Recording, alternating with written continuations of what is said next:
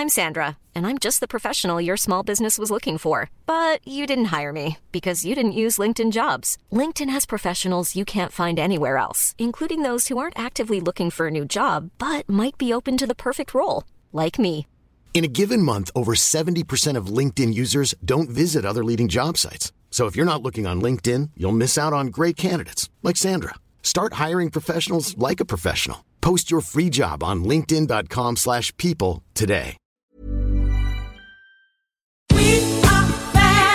A good time starts with a great wardrobe. Next stop, JCPenney. Family get togethers to fancy occasions, wedding season too. We do it all in style dresses, suiting, and plenty of color to play with. Get fixed up with brands like Liz Claiborne, Worthington, Stafford, and J. Farrar. Oh, and thereabouts for kids. Super cute and extra affordable. Check out the latest in store, and we're never short on options at jcp.com. All dressed up, everywhere to go. JCPenney.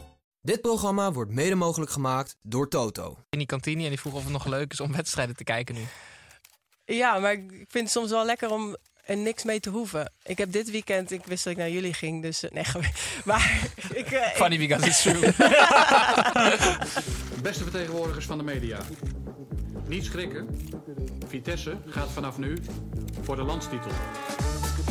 Dat zijn er vier en dan die drie is zeven. 21 is 5. Groningen speelt twee keer 5-1 verliezen. Waarom stel je dan deze vraag? Ben ik nou degene die zo slim is of ben jij zo dom?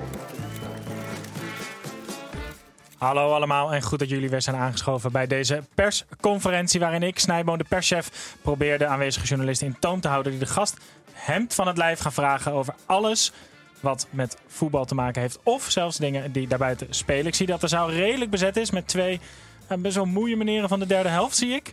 Eh, en bij ons aangeschoven is Leonne Stentler. We zullen met Leon- Leonne hebben over het vrouwenvoetbal, het beroep van analist en voetballiefde. Leon, ik wil eerst van jou weten, heb je ooit aan deze kant van de persconferentietafel gezeten? En hoe kijk je naar persconferenties aan zich? Eh, zo. Ik heb eigenlijk. Nee, wij, nee, bij Oranje hadden we toen eigenlijk nog geen persconferenties. En dan zou ik ook niet degene zijn die naar voren was geschoven. Dat was Daphne Koster 100% geweest. Dus nee, ik heb nooit aan deze kant van de tafel gezeten. Hoe kijk ik ernaar? Ehm, ik vind dat wel een grappig toneelstukje. En ik vond ehm, uiteindelijk. In het tijdens- algemeen of nu bij ons? Nee, in het algemeen. En eh, ja, ik, ik, ik vind het wel grappig om zeg maar livestream te kijken. Als bijvoorbeeld toen met Louis van Gaal was natuurlijk geniaal tijdens eh, voor de WK en tijdens de WK. Ehm, maar soms is het natuurlijk wel gewoon één groot geregisseerd dingetje waar niet echt wat boeiends uitkomt. Vaak ook wel noodzakelijk kwaad. Voor de mensen die jou niet kennen, je speelde in je actieve carrière voor ADO, Ajax en het Nederlands Dat elftal. maakt niet uit. tot je in 2015 stopte wegens een blessure. Je studeerde persuasieve communicatie aan de UvA, maar je geeft nog niet helemaal prijs wanneer je er gebruik van maakt. En tegenwoordig ben je op tv te zien als analist van de NOS en ESPN. Ehm, we gaan naar de zaal. We gaan naar het eerste thema, vrouwenvoetbal. Het eerste vraag, de eerste vraag. Zeg het maar heren. Ja, nou, die zal ik, eh, die zal ik op me nemen. Ehm, het is natuurlijk helemaal in jouw tijd die jij voetbalde in het vrouwenvoetbal... is het onwijs grote investering qua tijd, energie. eh, en leeft het misschien minder op? Was er voor jou, zeg maar, zat er al financiële of zakelijke winst aan? Of was het puur de liefde voor het spel? eh? Nee, er zat geen eh, financiële winst aan. Eh, dus ik, bij ADO kreeg ik gewoon reiskosten. En bij Ajax het eerste jaar kreeg ik een vrijwilligersvergoeding. Dus dat leverde niet zoveel op. Dus ik, ik had Maar- geluk dat ik studeerde en daardoor een. maar dan is het een ongelooflijke investering die je moet doen qua tijd en, en energie. Ja, dat, ja, zeker. Dat was het natuurlijk wel. Maar ja, ik vond het zo vet en zo leuk. En uiteindelijk, ik zat precies in die switch van... eh, ik speel hoofdklasse en ik train twee, drie keer in de week... naar er wordt een eredivisie gemaakt en we kunnen nu echt professioneel gaan voetballen. Dat je dat ook wel voor lief nam of zo. Dat je wist dat het een soort investering ook voor de, voor de toekomst van het hele vrouwenvoetbal was. Maar had jij toen kunnen bevroeden dat het zo'n ontwikkeling zou doormaken?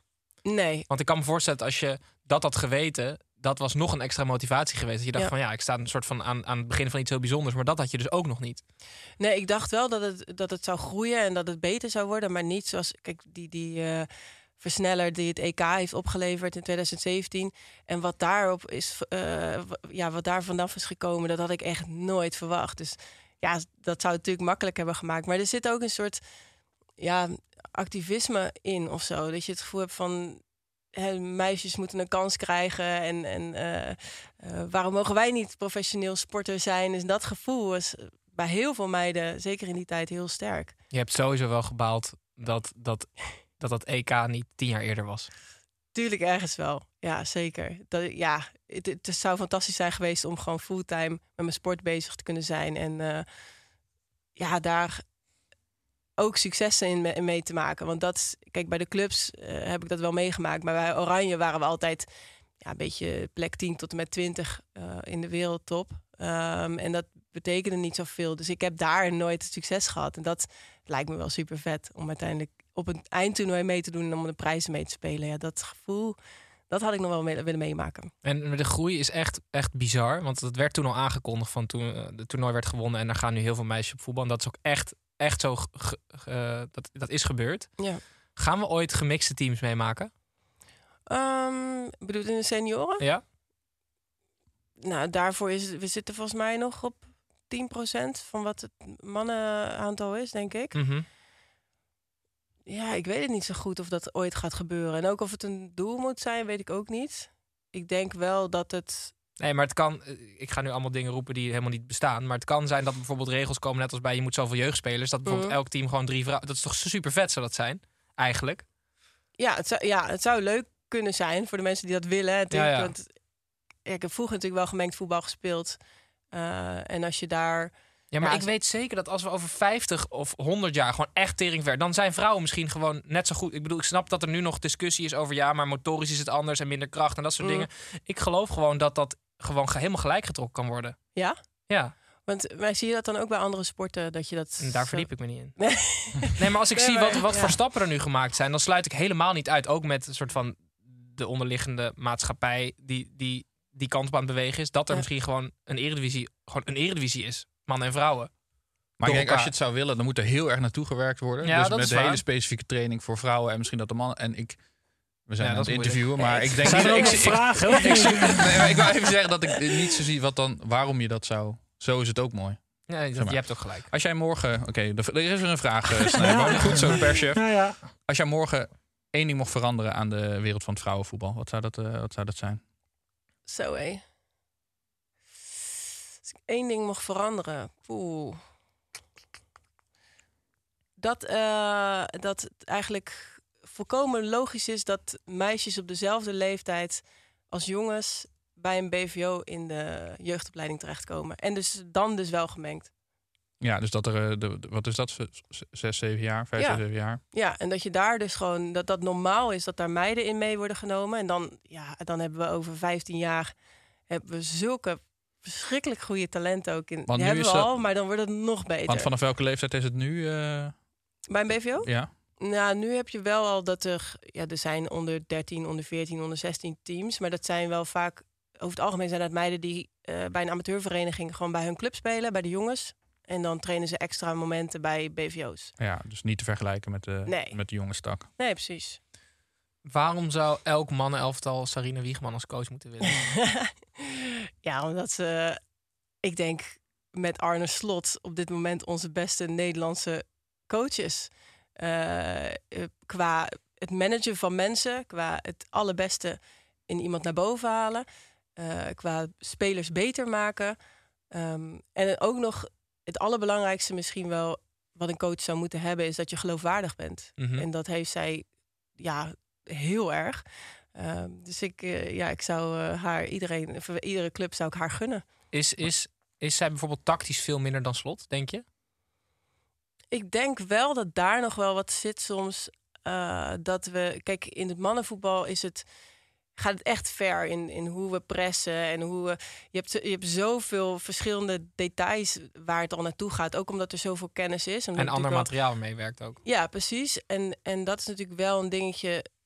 Daar maak ik me wel eens druk om in mijn hoofd, zeg maar. Ik denk, oké, bij meiden en vrouwen die dus niet die hele, diezelfde route hebben meegemaakt als, als, als jongens, ehm, krijgen die al die verschillende formaties al zo goed mee Oh ja. en kunnen, kunnen die al die tactische vernuftigheden al, ehm, kun je die al eh, meebrengen. Dus daarin denk ik ook dat Wiegman ja, die kan het zichzelf wel aanleren. Die, en die is inmiddels daar echt wel mee bezig. Maar het is niet dat dat al heel lang zo is in het vrouwenvoetbal. Dus dat is het enige waarvan ik denk, ja, ze zou het snappen, ze zou het kunnen, ze zou het kunnen overbrengen.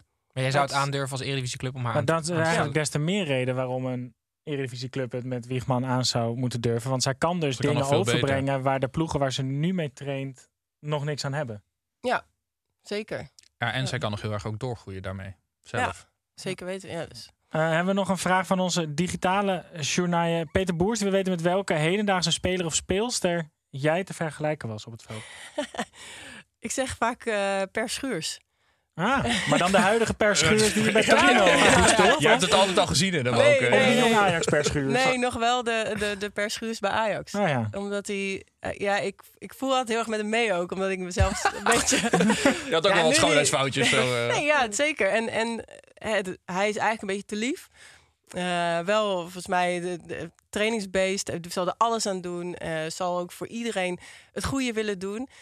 Het is, eh, ja, ik weet niet. En, en oh ja, vanwege zijn, zijn crossbal en zijn trap. Dat, dat is iets wat ik zeker weet ook had.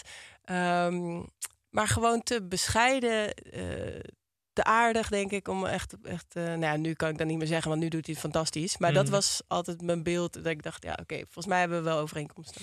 Mooi. Mag je dan op den duur niet meer per zeggen straks? Nee, ik denk het Moet je niet. een nieuwe zoeken? Ja, Hm. zou ik dan zijn? Gaan we naar het volgende thema. Eh, je werkt als analist. Zeg maar jongens. Ja, hoe ben je daar gewoon even back to the begin? Mm. Eh, hoe ben je het vak ingerold? Ehm, ja, doordat ik met Freesia een eh, YouTube-serie of YouTube-show ben gestart... waarin we wekelijks de vrouwen-eredivisie gingen bespreken. Ja, zo is het eigenlijk... Daar ben ik gescout uiteindelijk. Maar dat was Zo- vanuit Vrouwen Eredivisie of deden jullie dat gewoon zelf? Nee, deden we zelf. We zijn uiteindelijk wel met de KNVB ook gaan samenwerken. Zodat we iedere week hadden we twee speelsters in de uitzending die dan tegen elkaar moesten voetballen. En we hadden een hele show, ook Sanne van Dongen, die zat daar ook in. Dus uiteindelijk iedereen die... Iedereen is gescout. Ja, iedereen is tegenstelling tot bij ons. nou, ook Eredivisie. En heb je een Ja. voorbeeld, eh, voorbeeldanalist? Bruggink. Is- Ja? Ja, Ja, echt? ja. Wat nice. Ik vind hem, hij, ja, ik vind hem gewoon de beste in. Hij ziet altijd als eerste wat er aan de hand is en ehm, waar, het, nou ja, waar het misgaat op het veld en waarom. En kan dat natuurlijk supergoed uitleggen. En hij is rustig en genuanceerd, hou ik ook van. Ehm, Maar een beetje te lief. ja, precies. Ja. Soms wel lief, maar ik, ik vind dat juist een fijn geluid. Weet je, je krijgt het gevoel vaak dat analisten moeten echt of zwart of wit zijn. En het moet allemaal maar groot zijn. Maar dat Hij is een beetje de, per, de zo. per schuurs van het uh, analist, eigenlijk wel, eh, ja. Wat is Maar- de grootste valkuil van de analist Leon Stendler? Ehm, de grootste valkuil is... Nou, ik heb soms, als ik wedstrijden kijk... Ik wil graag dan iets vertellen wat nog niet zeg maar, voor de hand ligt. Mhm. Maar dat is best moeilijk, want soms is het gewoon een simpele wedstrijd... en, en gebeurt er niet heel veel bijzonders. Maar dan Maar wil ik... Veel Eredivisie-wedstrijden best een uit. weten wij. Nee, maar dat. En dat moest ik, dat moest ik echt loslaten. Want ik dacht, ja, ik moet wel iets vertellen... wat de mensen zelf niet zien... of, eh, of eh, wat niet al eh, overal is besproken. Maar heb je een voorbeeld van, van zoiets? Wat je dan wel wilde vertellen, maar waarvan je dacht van ja, dat is misschien niet handig. Nee, nee, het gaat niet zozeer over niet handig, maar meer dat ik het dan niet, dat ik niet direct iets kon vinden wat dan speciaal zou zijn. Oh ja. weet je? En dat Oh ja. dat mijn valkuil is. Omdat ik dan blijf kijken van ja, maar ik moet iets Oh, vertellen zo wat ja. boeiender is dan ik eigenlijk wat je gewoon ziet. Ja, eh, het staat zo of het is compact of Ja, dat heb ik mezelf al 180 keer horen vertellen. Ik wil nou even iets anders. Maar Dat ja, is, maar ja, dan eh, heb je wel een beroep gekozen. En, en Ja. de, de tafels waar je aan zit, daar, daar is natuurlijk wel, zijn wel bepaalde criteria, toch? qua dat nou ja, nee, dat, je, dat is wel wat, je, wat er van je verwacht wordt. Als jij nu Ja. Siert de Vos gaat doen en restaurants gaat eh, aan, dat kan ook. Maar dat is wel waar je dan voor moet kiezen, denk ik. ja, Geen Nee. vraag eigenlijk. nee. Nee. Advies. Ja, advies, ja.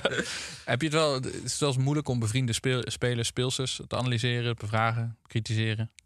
Ehm, nee, heb ik eigenlijk nooit echt moeite mee gehad. Meer omdat ik, eh, zeker in het begin, toen, toen waren er nog echt veel speelsters waar ik mee in Oranje had gezeten.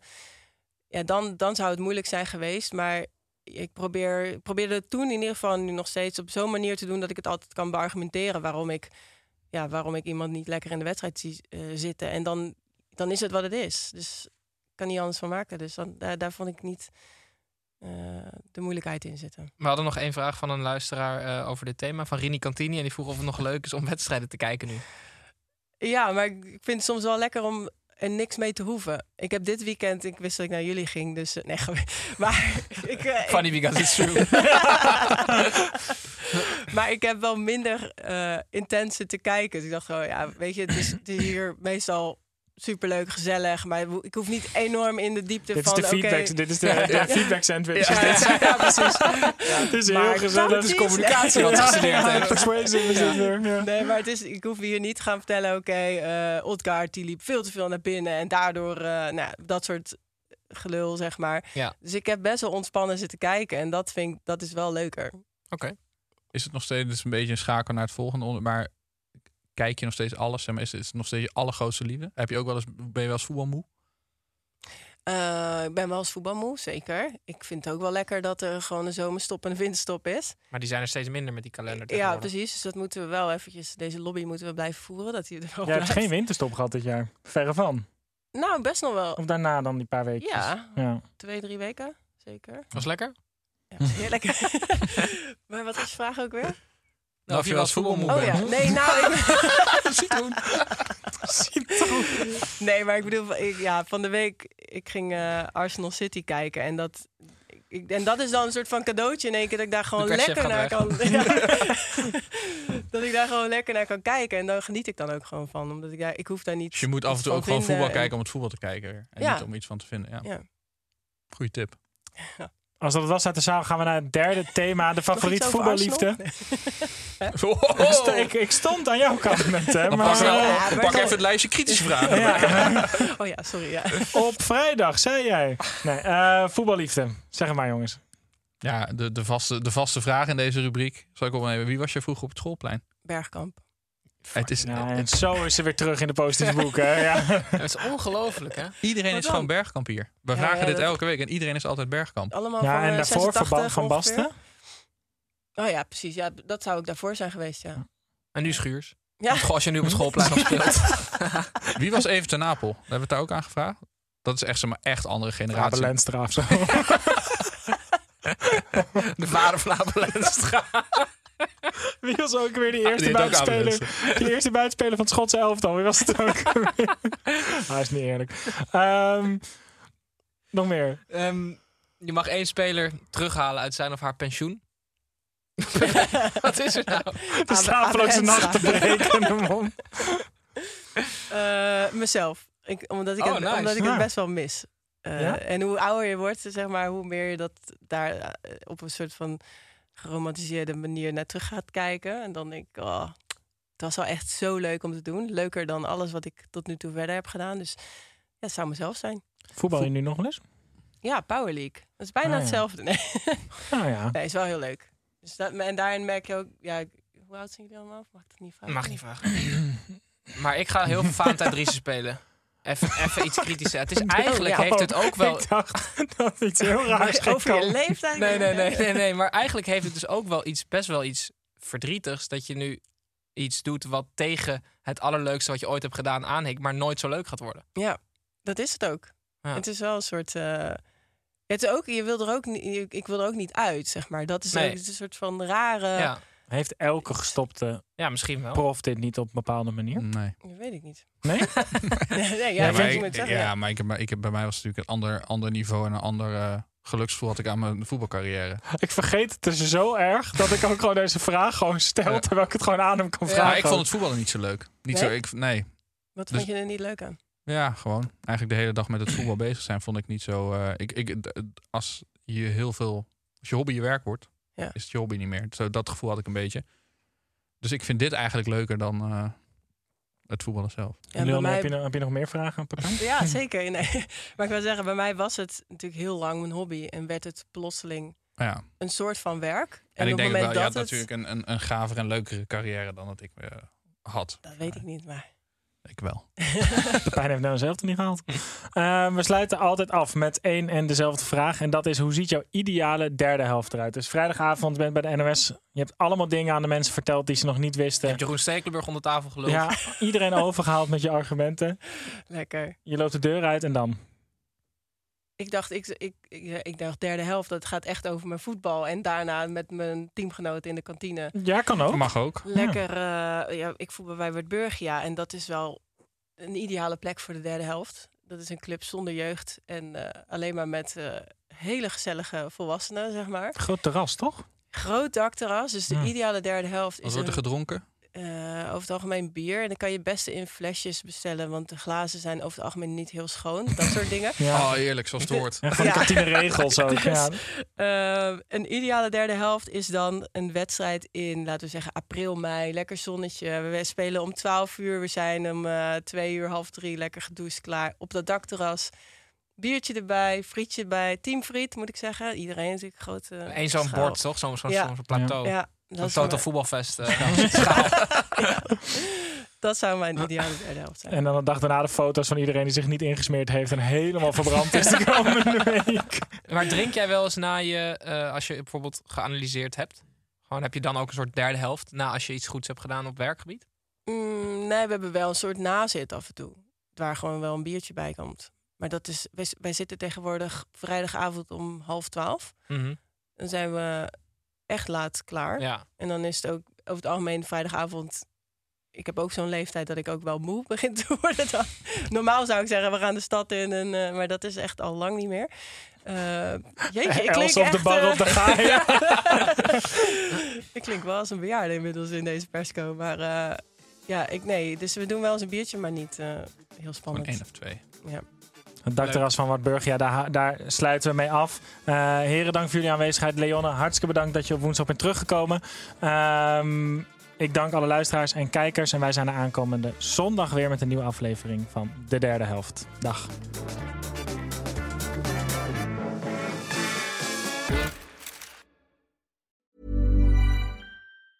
Ruben Tijl, Ruben Tijl. Wacht Ruben even, zijn er Tijl, nou twee Ruben. Tels of twee Rubens? Twee Rubens, één tel. Drie mannen. Eén midlife crisis. De meeste mannen dragen dan niks meer bij in de maatschappij. En die gaan motorrijden. Ja, maar wij nemen een podcast op. Dus luister. Om de vrijdag naar Ruben Tel. Ruben, De podcast!